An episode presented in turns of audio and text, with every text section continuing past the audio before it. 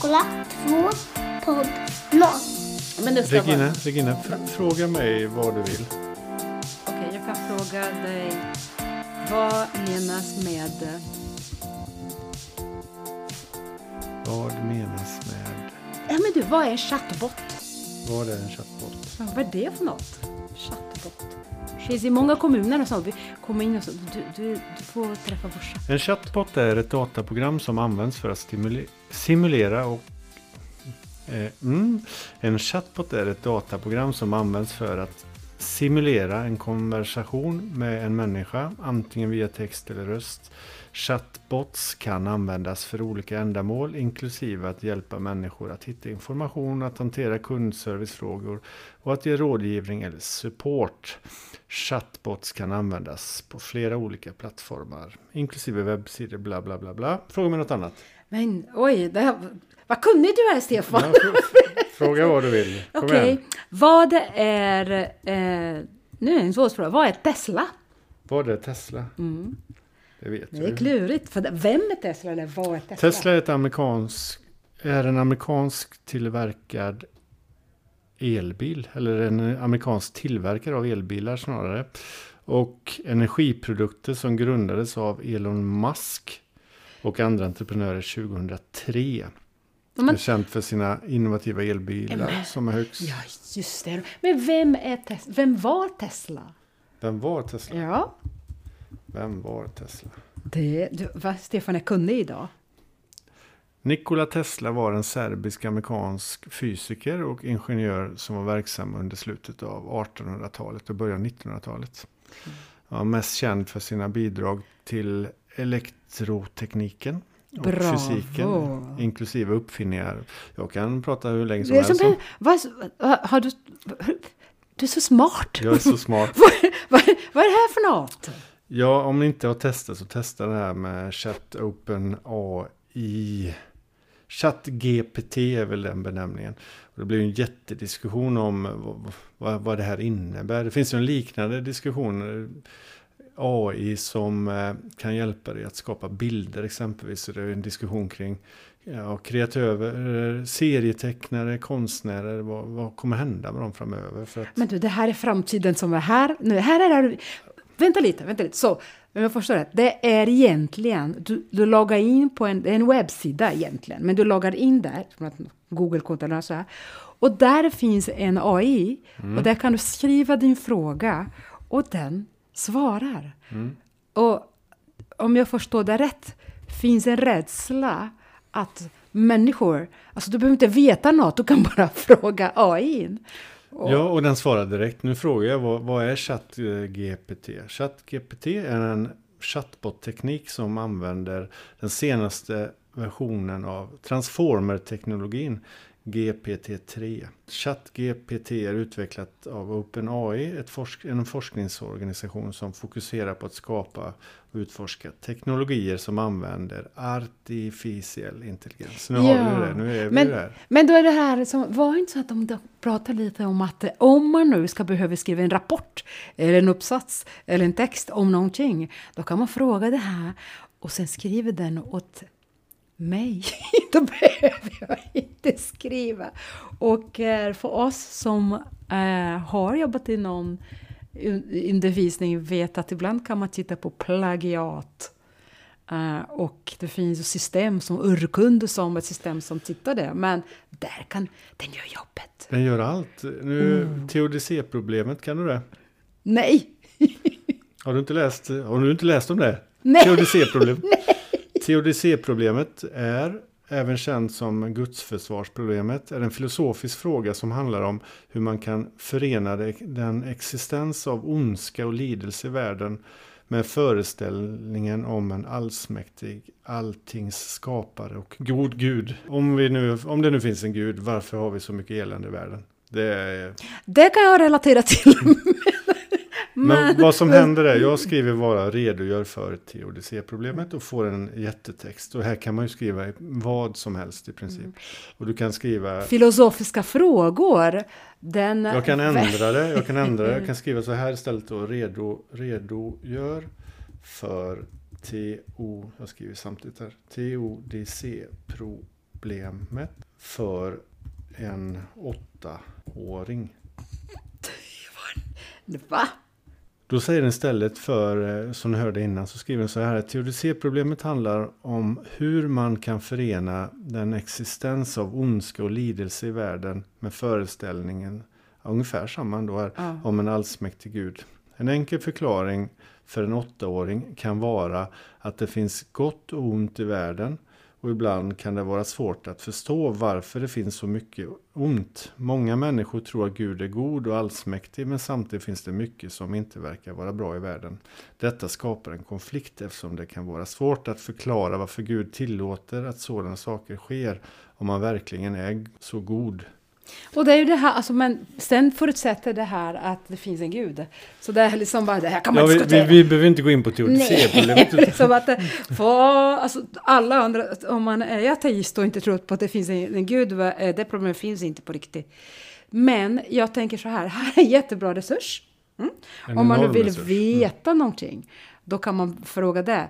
Eh, och eh, dessutom är det här att jag kan tänka mig att det är korrekt. För nu tänkte jag som, jag tänker om den säger dumheter, att det inte, hur är det med källtillit där? Får jag lita, kan Så lita den, på det den, där? den tittar på så extremt många källor så jag tror att du kan eh, ganska lugnt räkna med att eh, det, Det här, det stämmer. här stämmer. Okej. Sen kan den inte allt. Den kan inte det som hände i år exempelvis. Du kan inte fråga vem vann valet eh, eh, 2022. Det, klar, det klarar den inte. Men från 2021 och bakåt. Fast jag ville ha en sån här prediktion. Vet du vad det är för något, Stefan?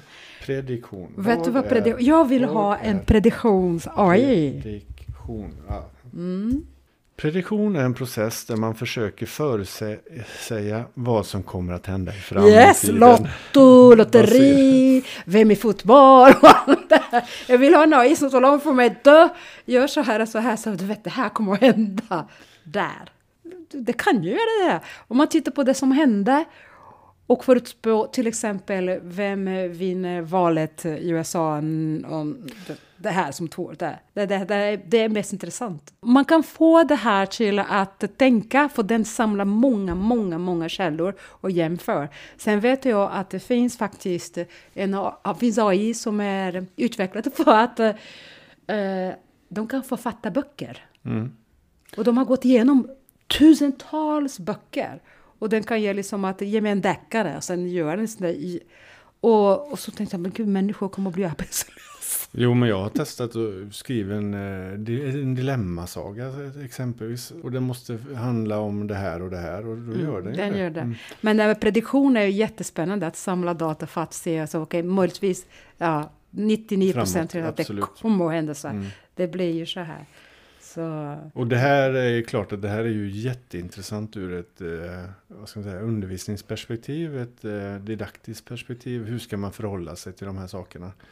Och redan nu har ju jag har hört hur man pratar på vissa högskolor exempelvis. Ska man förbjuda detta? Ska man använda det? Och hur ska man... Du har ju undervisat på universitet. Hur, hur ska man i framtiden... Eh, det vad ska man ha för tentor? Det är Liksom? bekymmer. Man sa så att säg till studenten du ska lämna in en rapport, du ska lämna in ett paper om... Eh, Det gör de på, jag överdriver inte, en halv minut. Så du det. Precis, men det är fusk. Och då var så, hur kommer man åt det här att studenten verkligen har skrivit det och gjort ett referat eller sammanfattat en bok eller någonting.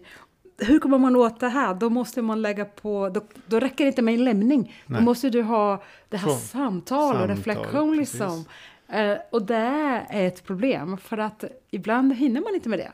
Det räcker med att du lämnar in Mm. till exempel uppsatserna. Eller det. Så det, jag tror att det kommer ju det är väldigt spännande och det är så att om flera använder samma och ställer samma frågor till den AI och sen får jag två olika Du får aldrig samma, precis, du Och- får aldrig samma svar. Precis, så, ju, så Mm. jag förstår bekymret att man kan man verkligen säkerställa att studenten har Om, lärt sig om vad den det är behöver. ett bekymmer. eller? Jo men det är klart för att Alltså, en student studerar för att jobba med någonting. Så det är ju, man utexaminerar en person som är inkompetent för att du inte, du har inte gått igenom. Allting är inte tentor. Det finns många inlämningar på rapporter och, och tankar och det är reflektion och sen förmåga att reflektera över en text. Precis. Sen handlar det om att, eh, tror jag, att eh, du kan ju inte jobba mot sånt här. För det, det finns. Det, Det- man måste jobba med det. Hur gör man då? Hur använder man det här? Och, ja, kanske svårt att se hur vi ska använda det direkt i förskolan eh, med en gång. Men det är klart att när vi ska förkovra oss, när vi ska utbilda Mm. oss, så kan man ju använda det här. Om vi, Om man, men nu så här, det, är, det är som att googla. Om du inte vet vad en sak är, så är din bästa vän. Så kan du gå till det här. Då får du din bästa vän som får. Du har ett svar. jag tänker support, liksom, om du ska Ja. lära dig någonting. Jag vet inte hur man eh, gör någonting i Word eller Mm. Excel. Den kan ju allt det här. Ja, men jag vet inte hur man refererar till det där. Alltså om du har en bok, Mm. ja, referens till det där, den boken författarsida, där, där, där. Det Eh, blir intressant. Ja, precis. Hur refererar man på det här? Och, eh, en sajt. Alltså, ja. Så att man har legitimitet till det här Precis. i ett växel. Förskola 2, podd 0.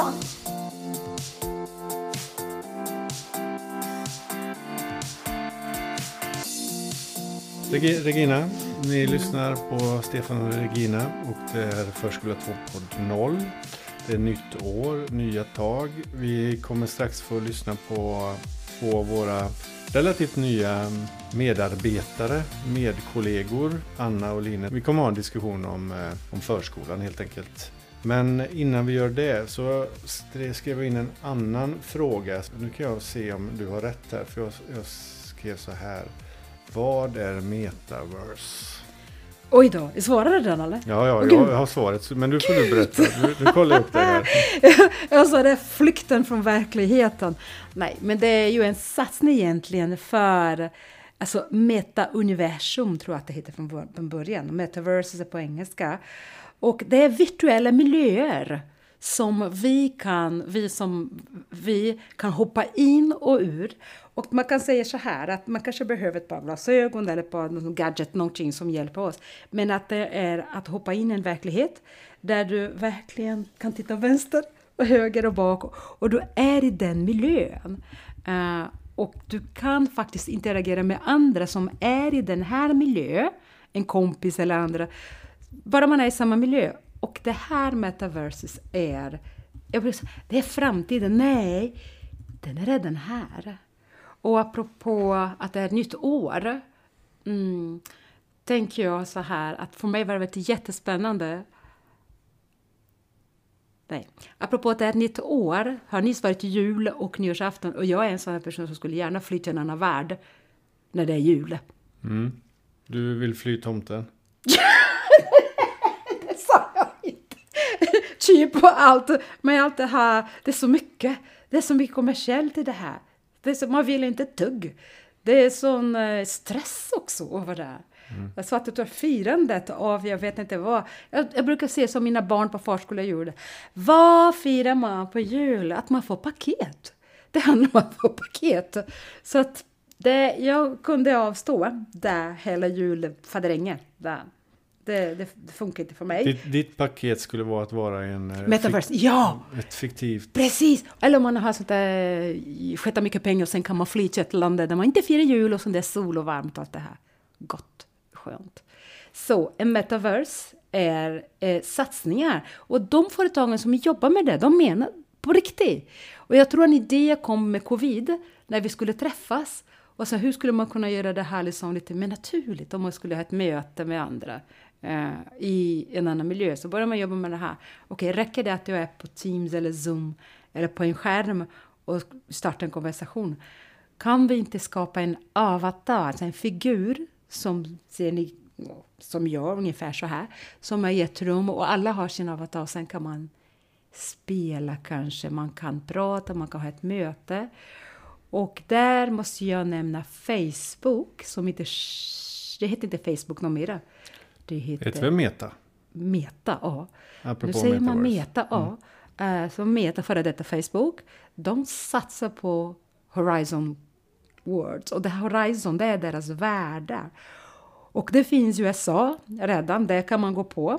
Och intressant nog, mm, eh, de beräknar att 25 procent, det här är intressant, av befolkning kommer åtminstone att spendera en timme per dag i en sån där, på med glasögon och hoppa i en annan värld. Och det betyder att man kan gå in kanske i, man kan ta sig till New York i en metaverse och finnas där i miljö och träffa andra där. Eller man kan faktiskt sitta och bara helt enkelt spela schack med någon annan person. Jag tycker det här är jättespännande. Men Regina, det här, jag känner igen det här för jag var i något som hette Second Life för ganska många år sedan. Jag var ju på, jag vet, det var jag också med. Och Second Life är precis som man fick en avatar. Men saken är att du var i en plattskärm. Du, det, det, det, var, det som man säger på en film. Här har du, du har ingen skärm på det sättet. Du är i miljön med dina glasögon. Så om du tittar nedåt kan du se dina fötter och sen du tittar bakåt finns någon bakom dig, bredvid dig. Eh, och dessutom är det så att de här människorna, de, man kan vara anonym, anonym eller man kan vara sig själv. Mm. Eh, och jag tror att det är en second life, ett, ett annat liv, nummer två eller 2.0. Och men varför ska vi... Och sen, det är inte bara Meta förresten, det är inte bara det, Teams, Microsoft Teams, Mesh, Microsoft, de håller på också Mesh som är deras variant. Ja. Och bara för att vara lite nördig, häromdagen så firade faktiskt Meta, Facebook, med att deras avatar hade fått ben och fötter. För att när de lanserade det, då hade människorna, de, avatarerna hade bara huvud och armar och lite mage. Men nu har han också fått ben, så att om man kommer in där så har man en hel kropp. Mm. Det är jättenördigt. Men, Men du gillar det? ja, så var, nu måste vi fira idag för att mäta. Människorna där har fått kropp eller ben. Men varför? Det är stora frågan. Varför ska vi hålla på så här, Stefan? Ja, jag vet, för jag har ju skrivit in frågan då till eh, min eh, Din chattbot bästa kompis! Stefan har fått en bästis. Jag frågar hur kan man använda det i undervisningssituationer? Okej, vad svarade du då? Och jag fick fem, eh, fem förslag. Virtual field trips. Eleven kan få möjlighet att besöka olika platser och länder genom en metaverse. Vilket kan ge en mer interaktiv och immersiv, det är fina ord, lärmiljö. en- Eller en traditionell för, Mm. föreläsning. Man kan dyka in på ett annat man dyker i det Distansundervisning tar han upp. Fantastiskt.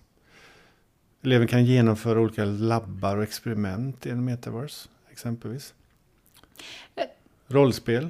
Fast du, det, det här, vi på förskolan, vi jobbar väldigt mycket med, med vi tar en projektor och sen brukar vi ta en bild för någonting eller någon, någon film någonstans och, och sen ah, på en vägg där och då är vi i den miljö. Jag vet de som jobbar med kuber och jobbar med pro, pro, projektorn och då är man i vattnet och med, med alla dessa fiskar. Så vi, vi är redan där och Ja. håller på så här med de här småttingarna. Så att, alltså, oj, som ibland kan man ta in snö, så det låtsas att man, och det, vi är redan där när man leker miljö.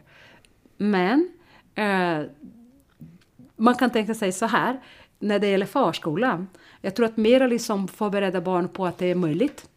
Att, att, att det kan finnas där. Men jag måste berätta en hemlighet, Stefan vet inte om det, men ni som lyssnar. Ja, ni vet att jag la i mina proteser som jag har nya knä, så jag behöver träna. Och det finns ingenting mer tråkigt än att cykla. Det är så tråkigt att cykla och inte cykla någonstans för jag måste sitta på en motionscykel. Och det är så...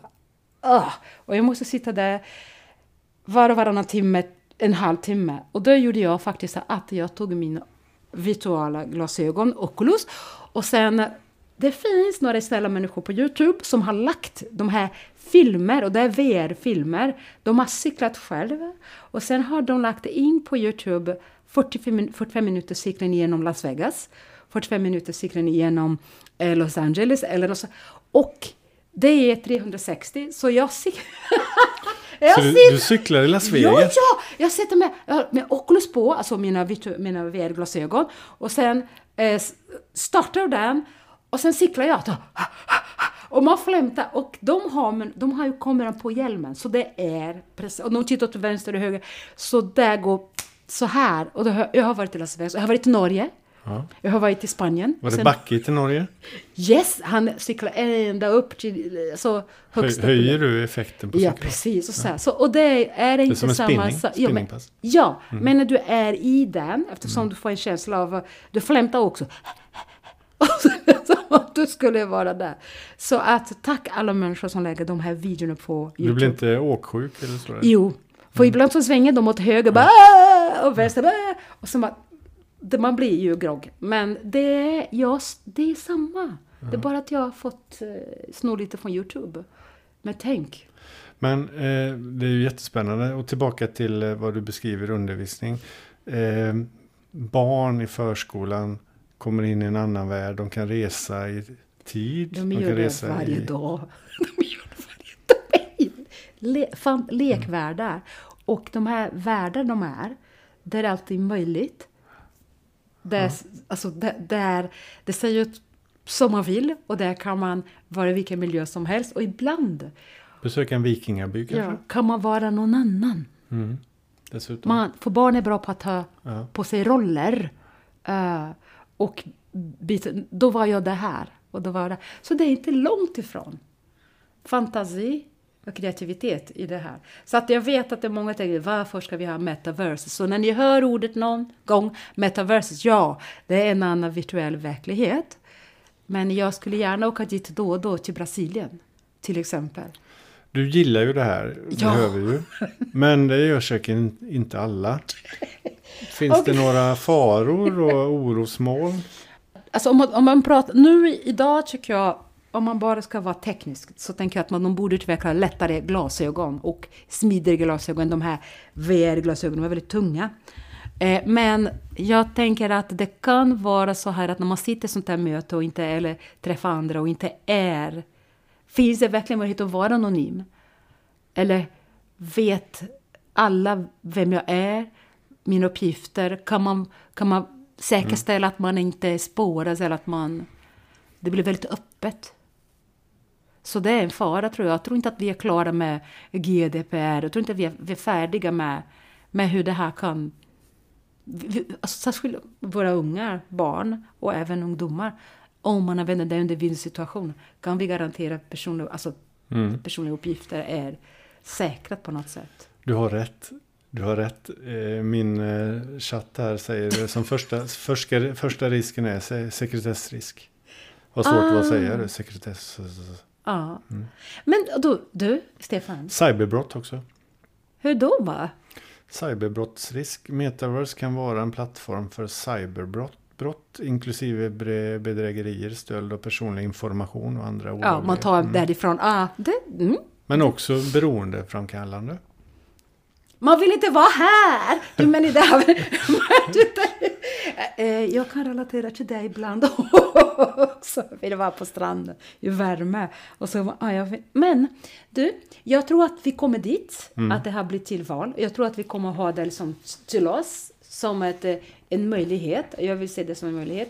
Och det är klart, vill man fly, fly sin, ja, det livet närmare kanske kan, ja, jag kan ta en timme det som djupterapi.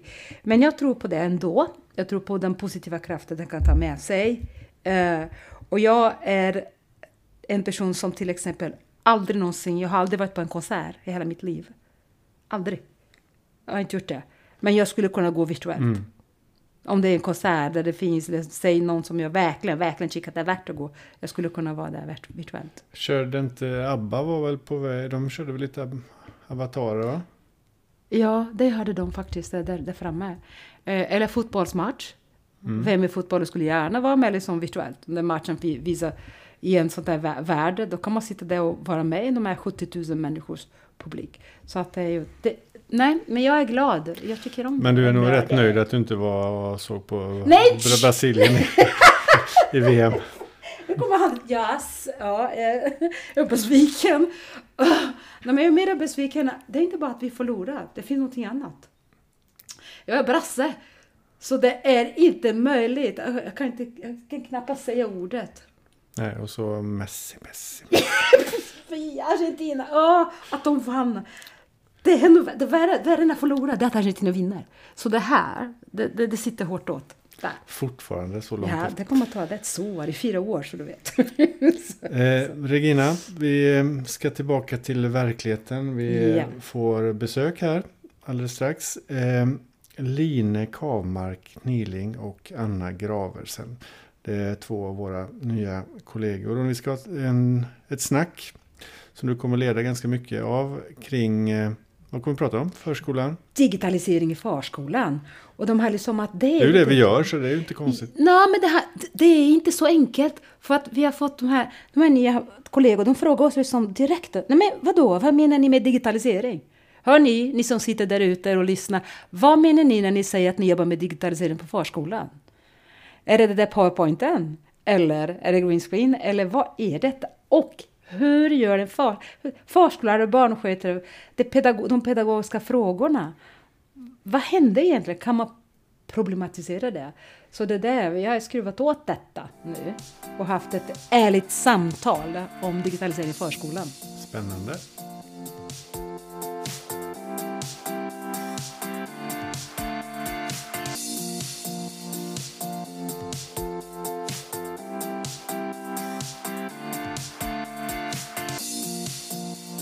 Och då får vi presentera oss då. Line, vi börjar med dig. Vem är du? Ja, vem är jag? Line Kamar Kniving heter jag. Jag är förskollärare i grund och botten eh, och har jobbat som det eh, i 12 år. Jag är ju numera då utvecklingsledare här på digitalisering och innovation. Och jag har eh, alltid haft ett brinnande intresse för IKT och hur vi ska kunna implementera det i förskolans värld och göra det till en del utav våran vardag. Helt enkelt. Och då har du kommit rätt. Då har jag kommit rätt, det känns så verkligen. Det hoppas vi. eh, och så Anna. Ja, Anna Graversen heter jag och jag är också förskollärare i grunden. Jag har inte jobbat riktigt lika många år som Line, men eh, hela tiden med ett stort intresse för eh, IKT och digitalisering och sådär. Och nu är jag ju också då utvecklingsledare här på digitalisering och innovation och jag tycker också det känns som att eh, jag har hamnat rätt. Det känns bra. Mm. Mm. Ni är välkomna. Tack. Tackar. Eh, och Regina, du har ju förberett det här för nu ska, nu ska de grillas. Stekas och kokas. Nej, alltså, men det är alltid intressant att prata om digitalisering i förskolan. Mm. Mm. Uh, jag tänkte att det var när jag började jobba här. Jag hade lämnat förskolan för några år, så det, det känns så så roligt att ha arbetskamrater som nyss har varit i verksamheten. Mm. Och så tänkte jag att det är högst aktuellt att ta upp det här igen med digitalisering i, i förskolan. Alltså grund, gå tillbaka till the basic. När vi börjar podda, Stefan, liksom, vad är digitalisering och det här? Och det är väl en fråga som eh, ständigt återkommer också. Ja. Vi har haft det innan i förskola 2.0 och nu är vi där igen. Mm. Och eh, sen är det ju det här att det, det kommer ju faktiskt nya saker som utmanar oss. Mm i förskolan. Och när jag säger oss, då säger jag alla förskollärare, alla barnskötare, alla assistenter, alla rektorer, all personal, alltså pedagogisk personal i förskolan. Mm. Eh, och med det eh, så tänker jag särskilt för förskollärare som har ett särskilt ansvar i utbildningen eh, som arbetslaget genomför gemensamt. Men om man tänker på det, då har jag en tolkande fråga. Mm. hur tolkar du, eller hur tolkar ni läroplanens målen om digitalisering i förskolan. Ska vi börja med dig, Anna? Ja, jag eh, råder ju mig med att eh, söka på eh, hur och när digitalisering nämns i läroplanen. Och det är ju sex stycken, eller platser. Det nämns några fler gånger, men det är liksom sex stycken eller platser där digitalisering nämns i läroplanen. Och det är ju egentligen inte sådär jättemånga. Eh, men det står ju både under grundläggande värden och det står under eh, omsorg, utveckling och lärande.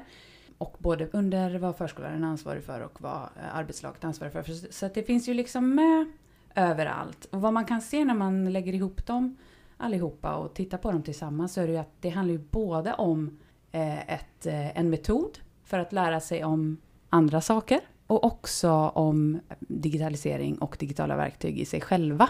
Så de är ju både en metod och ett innehåll i läroplanen. Men det är faktiskt bara på ett ställe där de nämns som själva innehållet. Och de andra skrivelserna så handlar det mer om att de är en metod eller att de är en förutsättning för, mm. Eh, för eh, lärande och mm. ja, det vi gör i förskolan.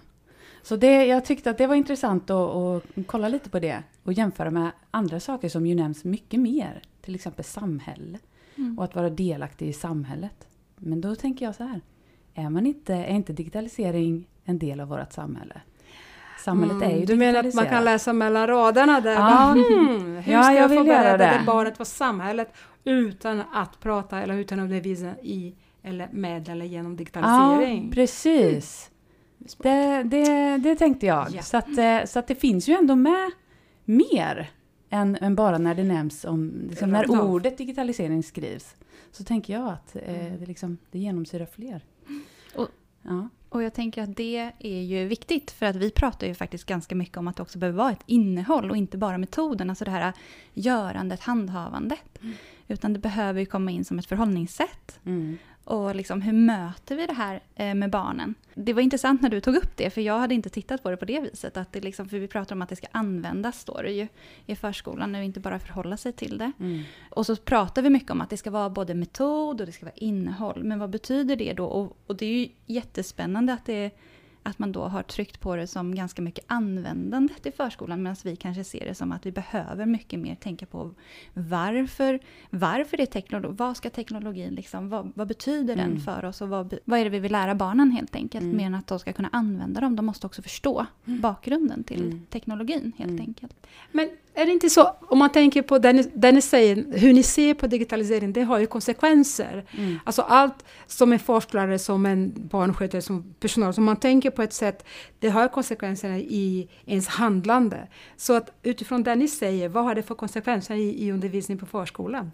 Om ni säger att det är både metod och innehåll. Det har krav och det har konsekvenser. Eller det innebär krav och det, det, det får konsekvenser. För att det, det leder ju till att vi måste ha en förmåga och en, en förförståelse och en kunskap när vi arbetar med det här. Det ställer ju krav på oss och det ställer krav på sammanhanget och det liksom både, både vilka förutsättningar man får från sin rektor och, och sådär. Men det, men det finns ju också krav på liksom den didaktiska förmågan hos förskolläraren som ska ansvara för utformningen och hos hela arbetslaget som ska genomföra och bedriva undervisningen. Och det leder ju till att man måste ändå mm, fördjupa sig lite och reflektera kring mål och vilket eh, syfte man har och när det passar och när det inte passar och vad som kan stärka och vad som kan liksom bli ett, kanske ett farthinder. Så att, så- så- det är spännande att prata om krav. Det fick som bara, ah, det är ju vågat att säga liksom att, tufft att säga så, det leder till krav.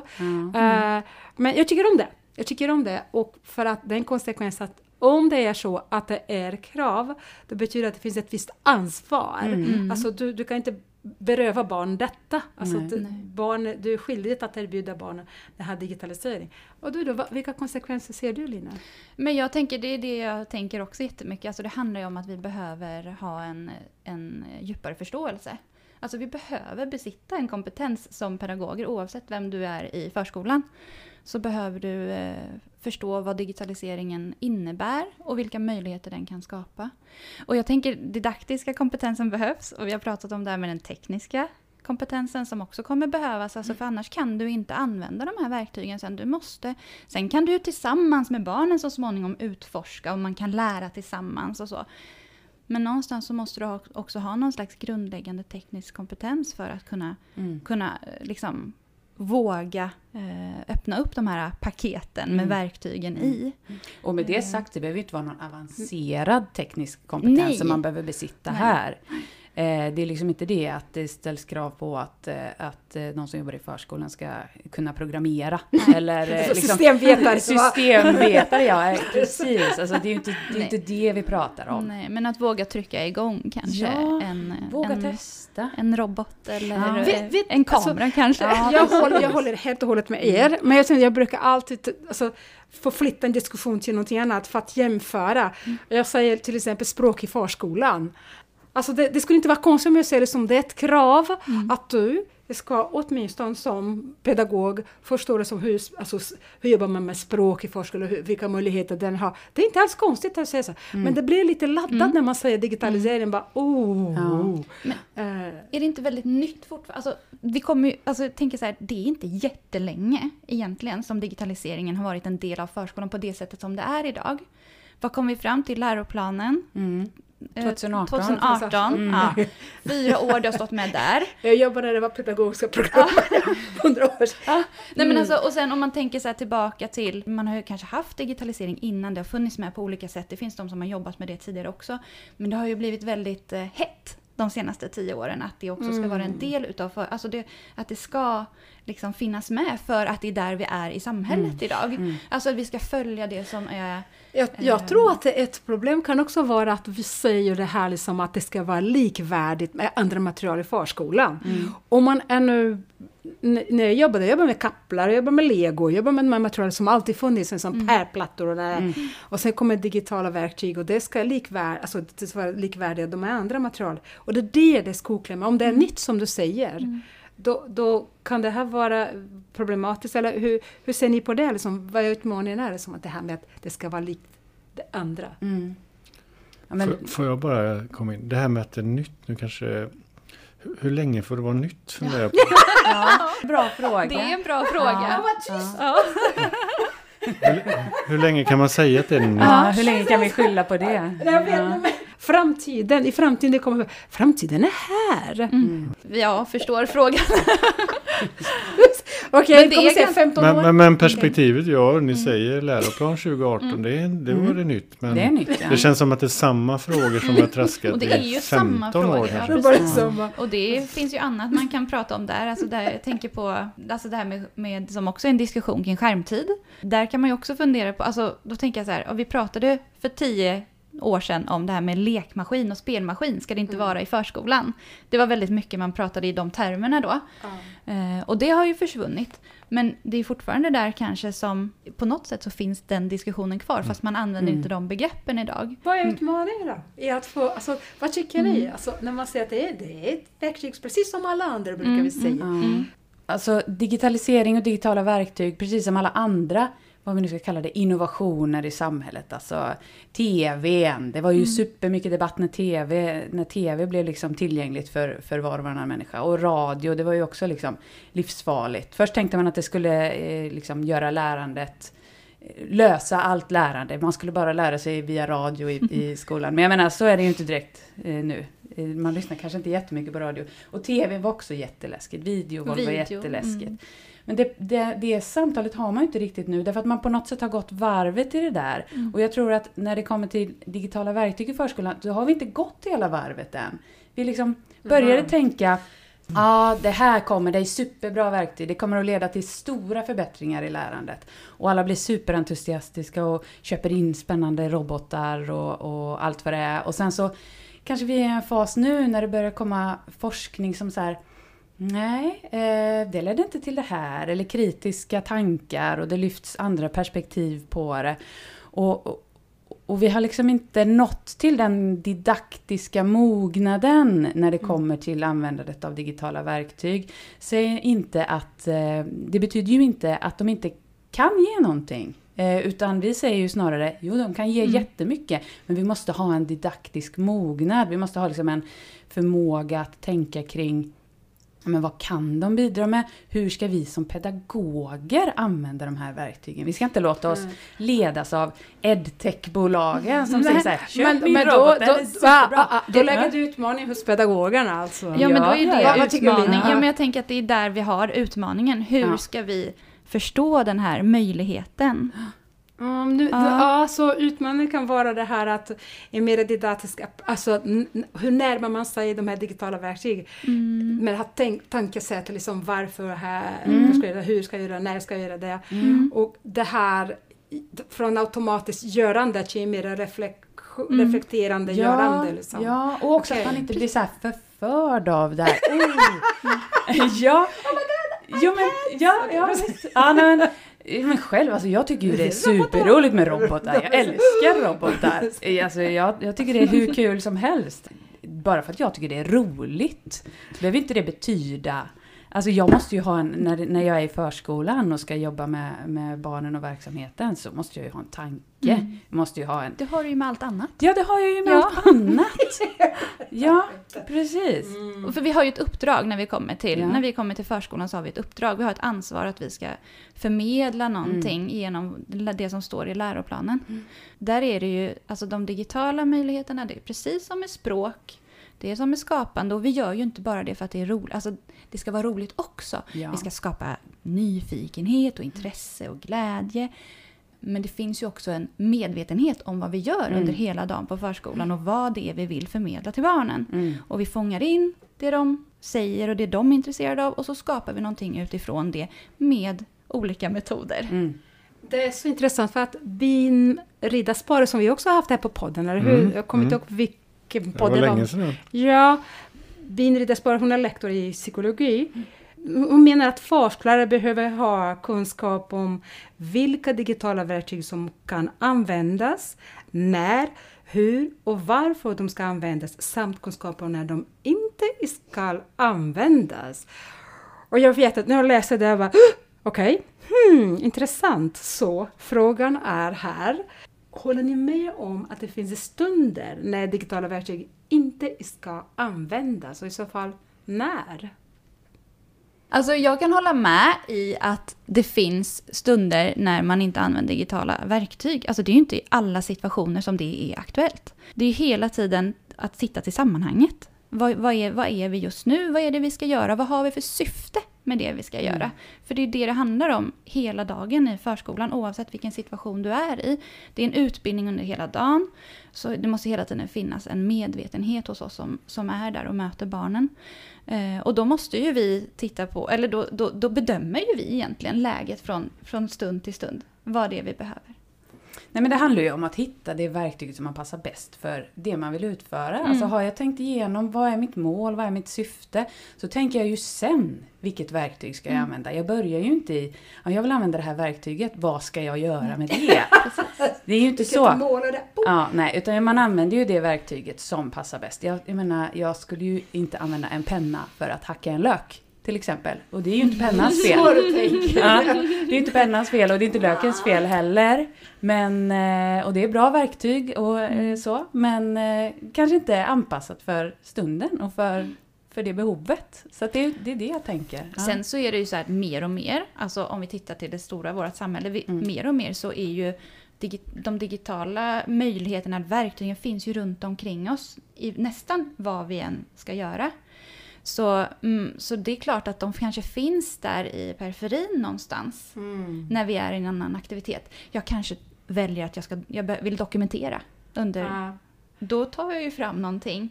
Så det är klart att det finns där säkert i någon Det- form. Till exempel om du nu ska du skala ett äpple eller vad det är för något, om du skulle klippa någonting och vill, även om det är en sax, du kan inte klippa med en iPad, men du får att dokumentera det, Ja, så tar du fram kanske Mm. Din iPad eller Mm. nå- någon platta eller någonting och tar bild på det. Mm. Och då finns det där på sidan om, men då barnen ser detta. Aha, Ja, och, men då har, du ju, då har du ju en tanke med det också. Jag gör den här dokumentationen för att jag vill att vi ska kunna gå tillbaka och reflektera eller eh, diskutera om vad vi har gjort eller sådär. Så då, då finns det ju, då har, då har du ju börjat i ditt syfte ändå tänker jag. Men för, till Annas poäng där, varför ställer du frågan Regina? Det är för att jag, jag, jag är väldigt, jag är Varför väldigt det? ana- anarkistisk när det gäller detta. För att jag ser, jag ser ibland de här kommentarerna att eh, man, använder, man ska använda eller ta fram digitala verktyg när det inte finns något annat val. Och jag håller inte med det. Jag, jag blir liksom lite provocerad när jag hör detta. Liksom, När det är slut på alla träpusslar, då kan du ta fram iPaden. Nu ska du, när det är slut med färgen, då kan vi ta fram, då kan du måla med din iPad. Jag tycker inte så. Jag Nej. tycker att man kan Nej, erbjuda båda. Ja visst. Jag tycker att man, en sak är slut inte den andra, men Nej. jag ser den här retorik, eller jag hört det. Jag tänkte liksom, okej, är det ja, i en, en second choice, alltså den andra valet är. Och det låter, för mig låter liksom, okej, jag vill inte presentera det för barnen på det sättet. Nej. Att okej, nu när du provat det här träpusslet och tröttnat på det, nu tar vi det här. För det kanske är så att eh, man tilltalar barnet på ett annat sätt i och med att man presenterar en app med den där. Eh, så att jag, jag, är inte, jag, jag är inte bekväm med det här. Det är därför jag frågar. Jag kommer att fråga det 300 miljoner gånger. Nej men för eh, tillbaka till Annas poäng där med, med kniven. Det är ju ingen som frågar när ska du inte använda kniven. Men kanske man vet när man inte ska använda den. Ja, just knivar är ju rätt så viktigt att man har koll på när man ska låta bli. Saxen som man använder till så här. Däremot är det det här gri- alltså glitterproblematiken. Jag kallar det glitter, glitter julglitter, ni vet vad det är för något. Det är det här, vi inom förskola, jag var ju så här att man, fröken, ja nu ska vi julpyssla, ja. Och sen tar man fram glitter och sen papper och sen lim. Och sen stackars barn börjar liksom att glitter, glitter. Och sen rätt som det då får jag något sånt här i mina tarmar, bara upp, upp, upp, upp, upp. Nu räcker det, nu är det bra. Va, vem är det som säger att det verkligen är bra, att det räcker då? Är det inom mig så går det liksom att det måste räcka för alla, eller det är dyrt med glitter. Nej. Och sen bara titta liksom, men jag är inte färdig. Ja, men nu är det bra, nu tar vi, så, då, nu behöver vi inte mer glitter liksom. Att det finns i mig istället för att det finns i barnet. Liksom, Någon att sorts det- lite inneboende, Mm, här, ja. nästan dåligt samvete Mm, för att precis. man eh, Eller tar tejp. till. Tejp. Nej, nu räcker det med tejp. Nu nu är det bra med tejp. Då Ja. får man bort tejpen från barn. Liksom. Varför det? Är det dyrt med tejp kanske? Eller vet inte. Men det, det, det är på samma sätt det här liksom. Nej, nej, inte iPads, inte, inte digitalt. Du tar liksom att kladda här med en färg och det här och, och det var lera och sådär. Mm. Så att jag Kom vill tillbaka bara- till skärmtiden, Mm. nu har det varit för länge. Det Ja, Nu finns en ny reklam. Det dåliga samvetet lär inne Ja. hos mig som säger nej, nej, nu får du inte sitta länge med det här. Jag undrar, apropå det, om vi skulle göra samma sak med lego. App, app, app, app. Nu har du suttit för länge här. Mm. Gå bort från det lego nu. Eller Pärlandet som också... Ja, det Mm. här. Så därför den frågan kommer att fråga forever, Stefan. Jag är inte nöjd. Och det kanske är så till poängen om det är nytt eller gammalt eller eh, så länge man behöver ställa den frågan så, Ja, Ja, så är det nytt kanske då. ja, det kanske är det. ja vi, Det- det- det- vi pratar ju fortfarande om förskolans digitalisering. Mm. Det vi, vi kanske... finns en speciell digitalisering Ja, för förskolan. precis. Och, och vi pratar ju om digitala verktyg som något separat fortfarande i, i vissa fall.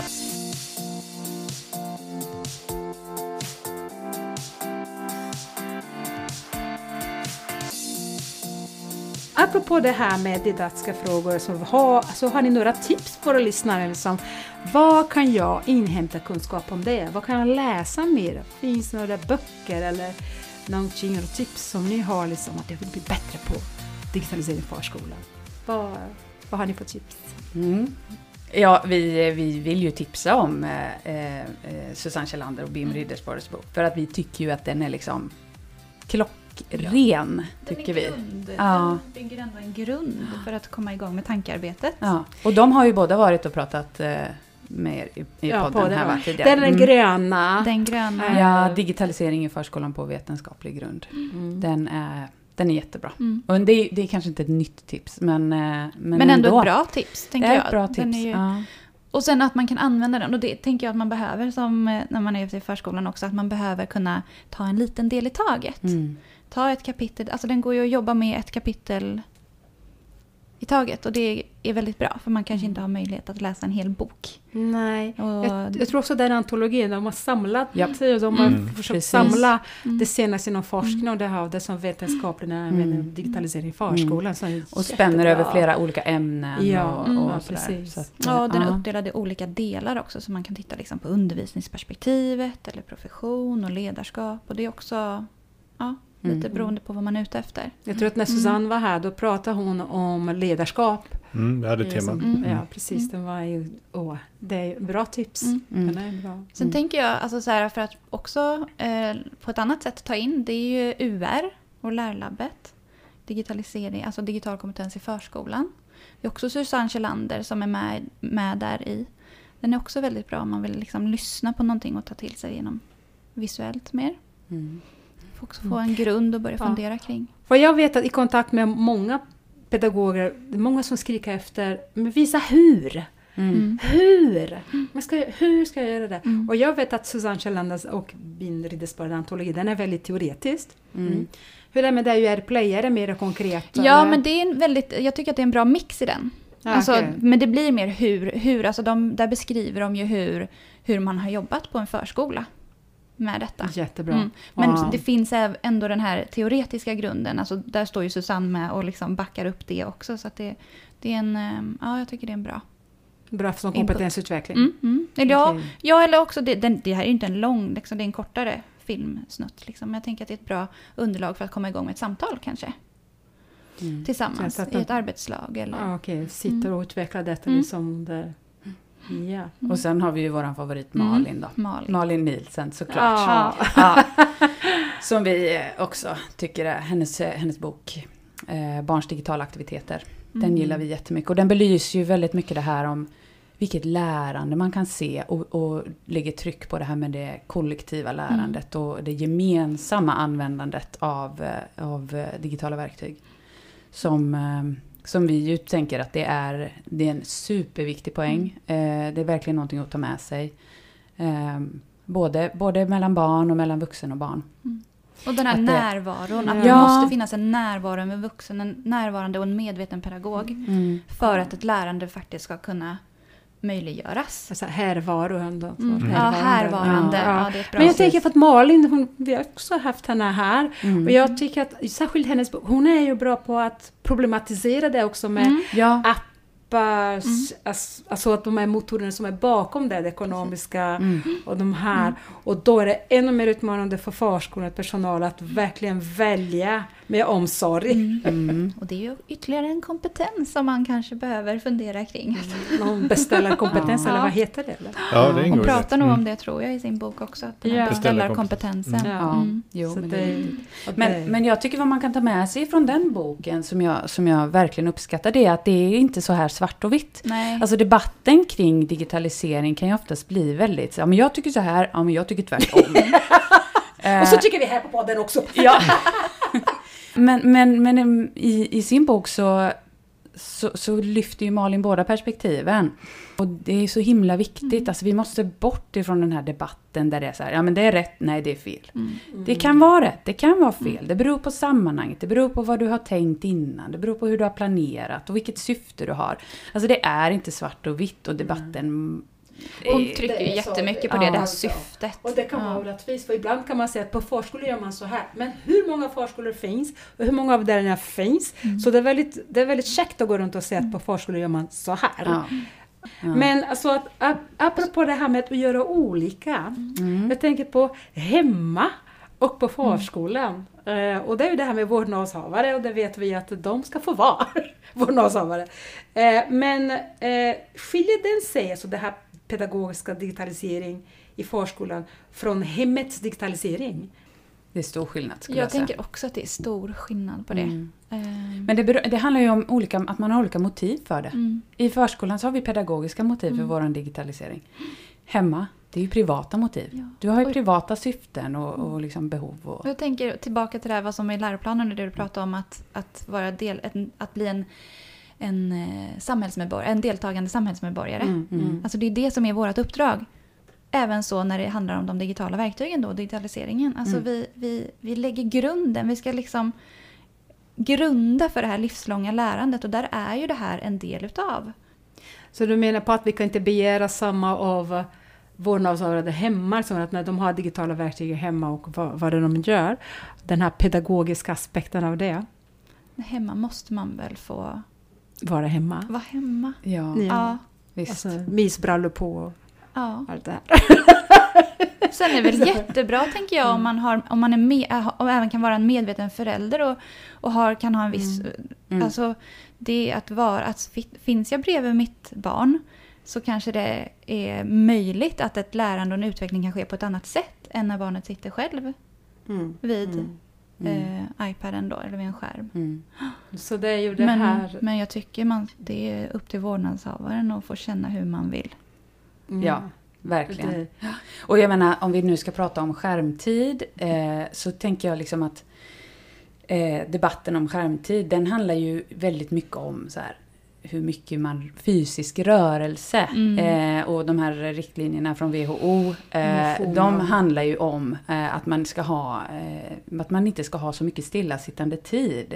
Så, så liksom, vill man fundera över sådana saker och skärmtid och sånt där, då kanske man ska fundera över, över sånt istället. Eh, har jag mm, liksom, ja, det, det kanske är det vi, vi, vi ska prata om istället, både i, i samhället i stort. Alltså samhället har byggt bort väldigt mycket rörelse överhuvudtaget. Mm. Vi sitter väldigt mycket framför våra datorer allihopa. Men däremot i förskolan så rör vi ju väldigt mycket på oss, skulle jag vilja förskolan rör ju man sig Man rör sig ju hela sig. tiden, Ja. både barnen och vi vuxna. Vi är ju liksom, vi är i rörelse hela tiden. Det är ju Ja. inte mycket stillasittande på en Nej. förskola. Nej. Och framförallt inte framför en skärm. Nej, och det är ju därför den debatten ibland kan kännas Mm. väldigt fjärran ifrån verkligheten i förskolan när man pratar om Mm. skärmtid. Mm, för man är aldrig stilla. nej. Man är aldrig stilla. Och har man igång något digitalt verktyg så är det ju oftast i en aktivitet eller Mm. någonting, när man gör någonting och är i rörelse. Mm. jag, jag tänker att det är det här man pratar om att göra... Pra, överallt, det behöver inte vara på förskolan, men när man använder digitalisering,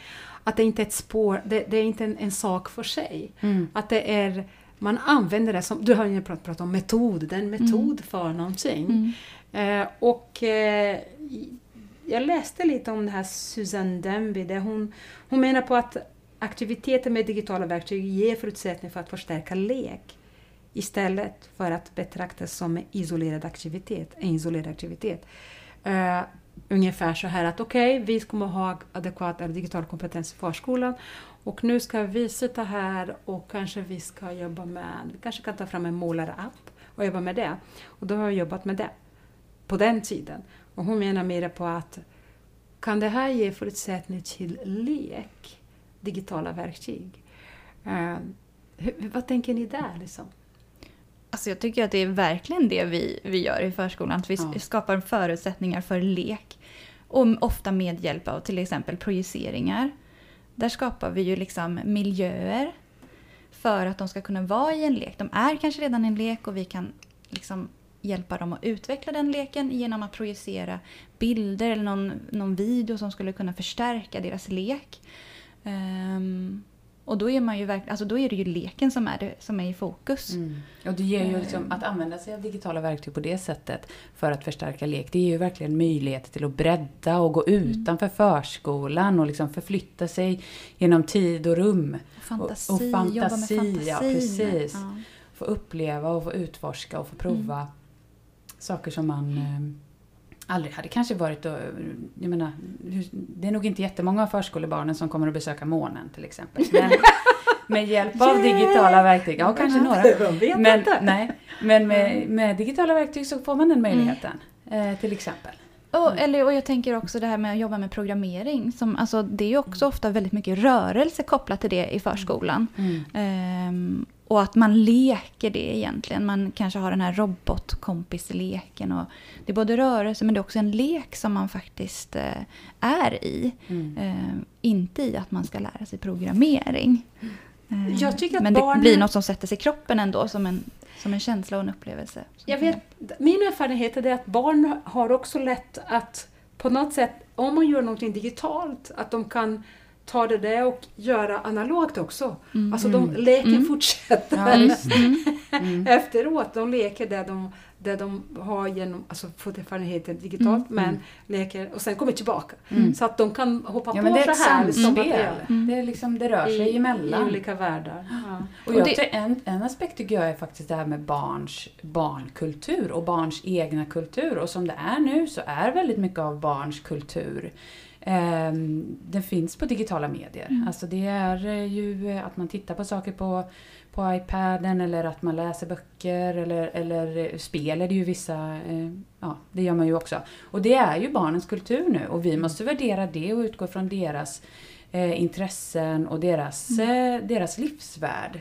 Det är det vi ska jobba utifrån i förskolan och, och inte säga så nej, det där får ni hålla på med hemma. Här leker vi med kottar. Nej. Eh, nej, utan vårt ansvar är ju att, att integrera deras intressen och ta vara på det och skapa förutsättningar för lärande och utveckling i det, tänker jag. Men är rädslan att kottar försvinner eller? Ja, det är det nog. Mm. Men kottarna bara- är ju där bredvid samtidigt. Ja. Det är ju det. Ja. De Kottarna är ju ett klassiskt exempel. Ja. Vi kanske måste hitta på något nytt Kott- nu. ja, Kottar och Men- pinnar. Men att vara ute i skogen, liksom, det är du. Du kan leka de lekarna, du kan vara i den livsvärlden, men du är ute, eh, ute i skogen då till exempel. Du går utanför förskolans Ja. gård kanske och, du är, och så tar du, tar du dig an samma lek. Ja, visst. Mm. Men nu har har jag en intressant fråga här. Eh, det här med rektorerna då? Rektorns roll i detta? Vi pratar väldigt mycket om Mm. pedagoger och det här och görande, men hur ser ni rektorns roll? Ni har jobbat i förskolan och det har också Ja. gjort det Mm. och vi har olika erfarenheter av olika rektorer. Vi vet att det kan vara olika. Mm. Men vad tycker ni en rektorn har för roll när det gäller digitalisering? En oerhört viktig roll, Ja. tänker jag. Alltså det är ju ett, led, ett tydligt ledarskap som behövs också och som visar liksom på att det här är något som vi ska göra, det här ingår i vårt uppdrag. Kommer inte det uppifrån så är det ju också svårare att eh, få liksom... Eh, få ge, alltså det handlar om att vara goda förebilder också. Alltså är du det här uppe och du visar att det här ska vi jobba med, det här är väldigt tydligt, jag använder det själv på olika sätt. Ehm, Så kommer ju det också ner till medarbetarna som får det tydligt att det här är, det här är en del utav mitt arbete. Och då går det också vidare ner till barnen sen. Tänker jag. Alltså det här är ju, det ger ju någon slags ringar på vattnet-effekt. Så jag tror att det är jätteviktigt. Mm. Och jag skulle också vilja lyfta vikten av ehm, att skapa möjligheter för pedagoger i förskolan att få mötas och diskutera och utveckla sitt, eh, sin pedagogik eh, tillsammans. Och där ser jag att rektorer har ett jättestort ansvar i att skapa möjligheter för det kollegiala lärandet och eh, att utveckla sin verksamhet tillsammans. Och, alltså, vi, vi, vi ska ju utgå ifrån vetenskap och beprövad erfarenhet. Och hur beprövar vi erfarenhet då? Jo, det gör vi ju genom att diskutera och samtala. Vi har gjort någonting, vi har prövat det, vi har dokumenterat det, vi mm, ser att det har precis, fungerat ja. bra. Och nu måste vi mötas med varandra och Mm. lyfta att det här har jag gjort, har du provat? Liksom, och, och, ställa kritiska frågor och reflektera kring Mm. vår verksamhet. Och, och där ser jag att där har rektorer ett stort ansvar i att ge förutsättningar eh, för det, för att utveckla verksamheten till, till det bästa som det går. Och att göra det både i det lilla och i det stora. Ja. Både på sin egen enhet men att också kanske faktiskt vidga de eh, möjligheterna Mm. till att göra det större. Förskola 2 podd 0.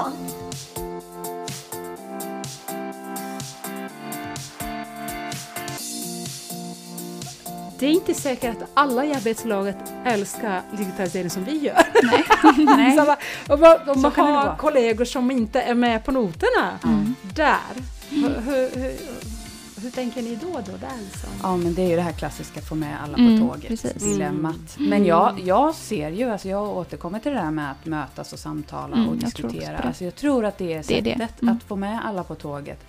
Att, att ta sig tid på sådana här gemensamma arbetsplatsträffar eller eh, studiedagar eller, eller vad man nu har. Och bara prata och visa och, och avdramatisera Ja, men jag tror att det här handlar om trygghet. Att känna sig trygg i det vi ska göra. Vet jag vad vi ska göra så Mm. känner jag mig liksom då- okej, då testar vi. Mm.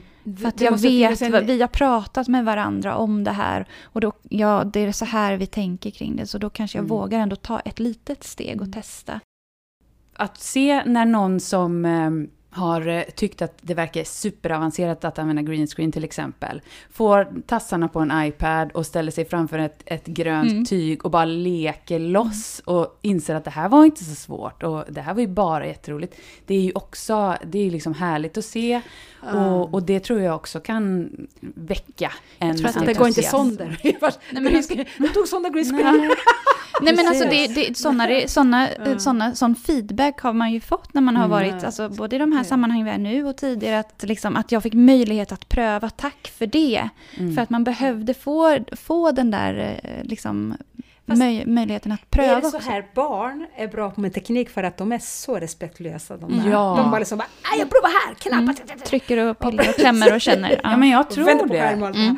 Vi ska försöka lära av barnen lite det. Men det tror jag lite- också är viktigt att våga testa, att våga, alltså man säger alltså, ja, men pröva tillsammans med barnen, Ja. det är viktigt att Mm. utforska tillsammans. Men också att det finns möjlighet att utforska Alltså i andra sammanhang där inte barnen är med. Med. För att det är många som, som känner det också. Ja, men jag måste, jag vill få testa det här Mm. innan jag möter barnen. Ja, att man måste ja, ha någon slags, Ja. liksom, någonting med mig här bak i ryggsäcken.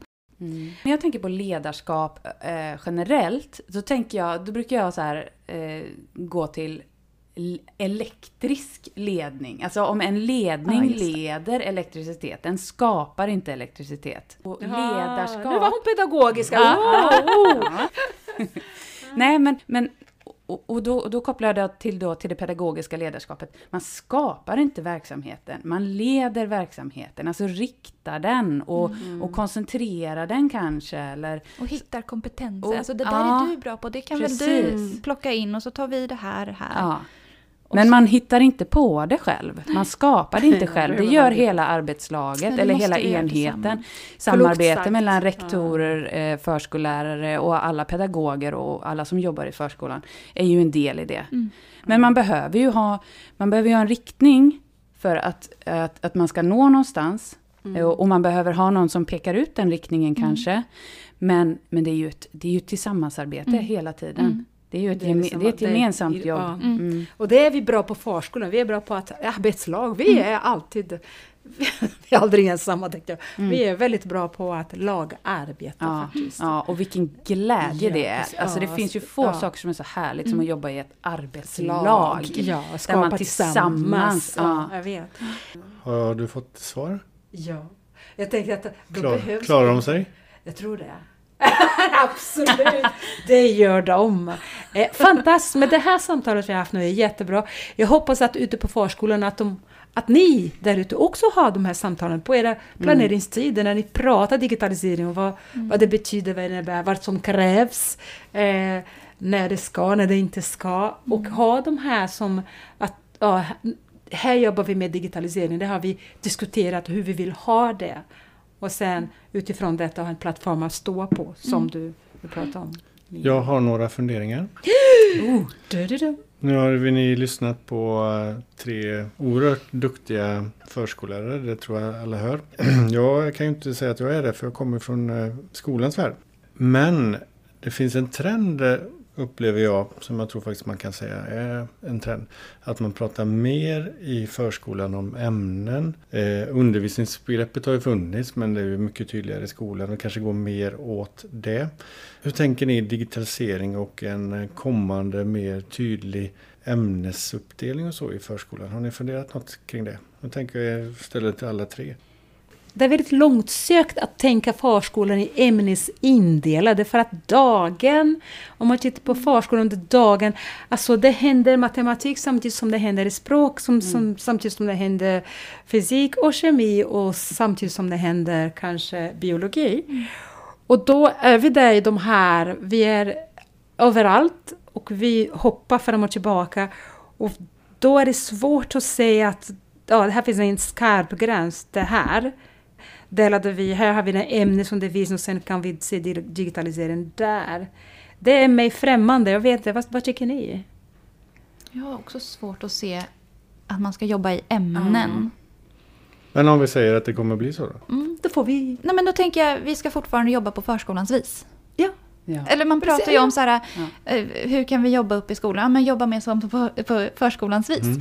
Vi har leken som en tydlig eh, eh, metod Mm. eh, för att skapa nyfikenhet för nya ämnen Mm. till exempel. Jag vet Ja, inte. fast Jag det, det som är roligt med din fråga det är att jag vet att eftersom jag har undervisat på utbildad förskollärare, på förskollärarprogrammet, i alla fall de programmen som jag undervisade i, då hade de faktiskt rätt så indelade. Nu är det språk. Termin Mm. tre så har vi språk, uh, termin fyra då var ju teknik och naturvetenskap, termin två, alltså det, Mm. det Men att var de hade så uppdelat Ja, när de ja. var ute på förskolan? Nej, nej, när jag undervisade ja, programmet okej. då, kom man liksom, då läser de en termin språk i Mm. förskolan.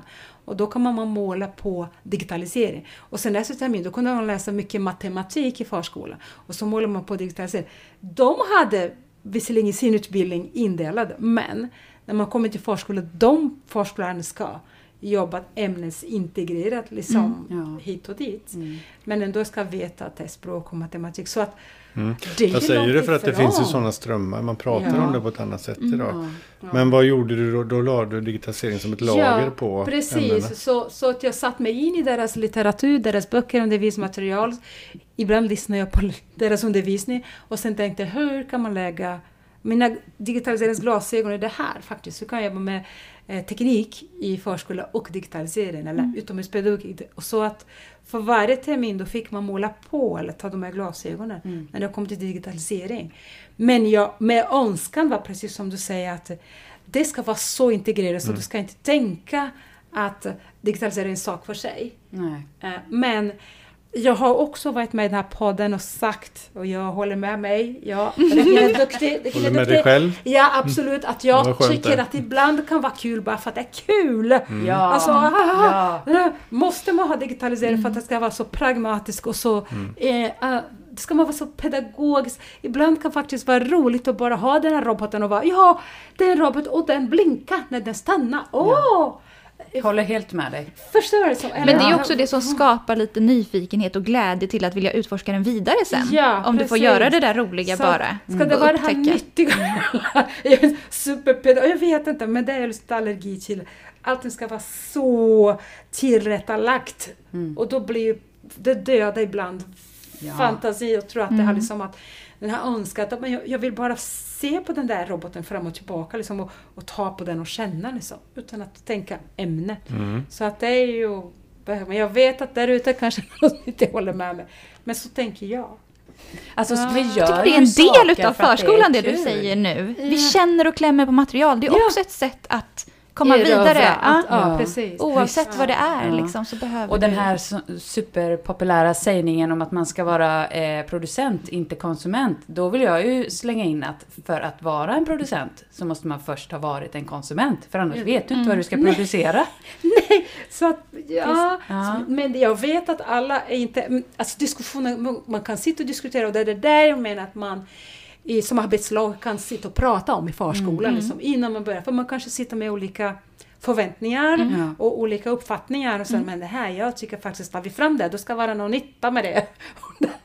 och det kanske någon annan sitter, nej, så tänker inte jag. Så det är jätteviktigt att vi pratar om de här Ja. sakerna. Och, och de kraven är det ju, ställs det ju inte på allt i förskolan. Men, men ofta på, på digitala verktyg. Varför Eh, har vi lego? Har du tänkt vad du gör med lego? Okej, alltså, att, vad är meningen med lego i ditt liv? Det, det kan vara så här. Nej. Och sen har jag, för att vi ska också ha vårt ämne Stefan, jag har en kuggfråga för tjejerna här. Ja. Nu, de här det här liksom. Ni, du pratar mycket om fantasi, Anna, eh, Line. Du pratar om fantasi och sa så här, ah, fantasi som är så viktig. Fantasi och kreativitet. Tänk på barn och sen tänk på oss vuxna. Vem är, mer, vem är det som har mer fantasi? Är det barn eller vuxna? Man säger ju att barnen skulle ha mer fantasi, men fantasi är ju något som du också får genom att erfara saker.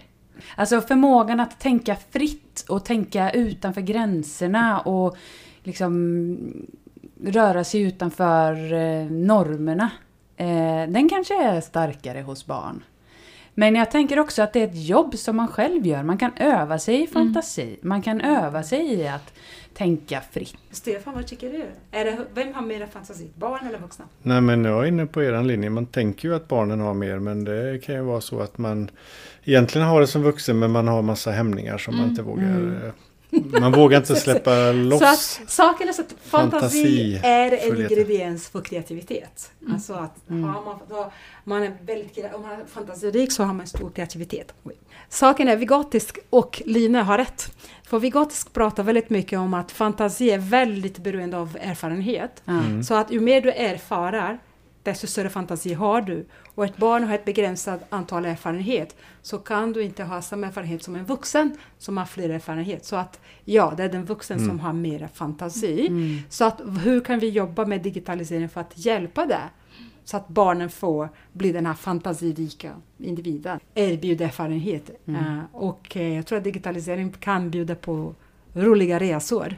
Ja, verkligen. Det tänker jag med. Upplevelser av Ja. väldigt olika slag. Ja, Mm. precis. Apropå det. Så att det, är- men det, det är spännande... Det är intressant när man tänker så här, ah, det kan stimulera fantasi. Mm. Ger erfarenhet, så stimulerar det fantasi Mm. och kreativitet. Det låter som en bra avslutning. Ja. Vi har pratat länge. Ni har pratat framför allt. Väldigt spännande att ha er med. Både Linne och Anna. Ja, det var kul. Ni är superbra på att förklara. För det här att artikulera, ja, Ja. artikulera och digitalisera, det är inte lätt. Det är ju, ni gjorde det fan, på ett fantastiskt sätt. Sen är det det här att vi skulle kunna ha den här diskussionen om och om igen med olika människor, för vi tycker olika. Ja. Eller hur? Om det är spännande att, att höra hur ni tycker och tänker. Mm. Och eh, förhoppningsvis så får många möjlighet att träffa er i stan också.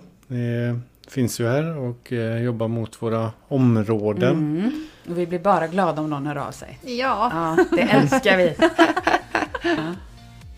Så tackar tackar alla tre. Förskola 2.0 var detta. Första för i år 2023. Vi lovar att det kommer bli fler gånger. Tack för nu.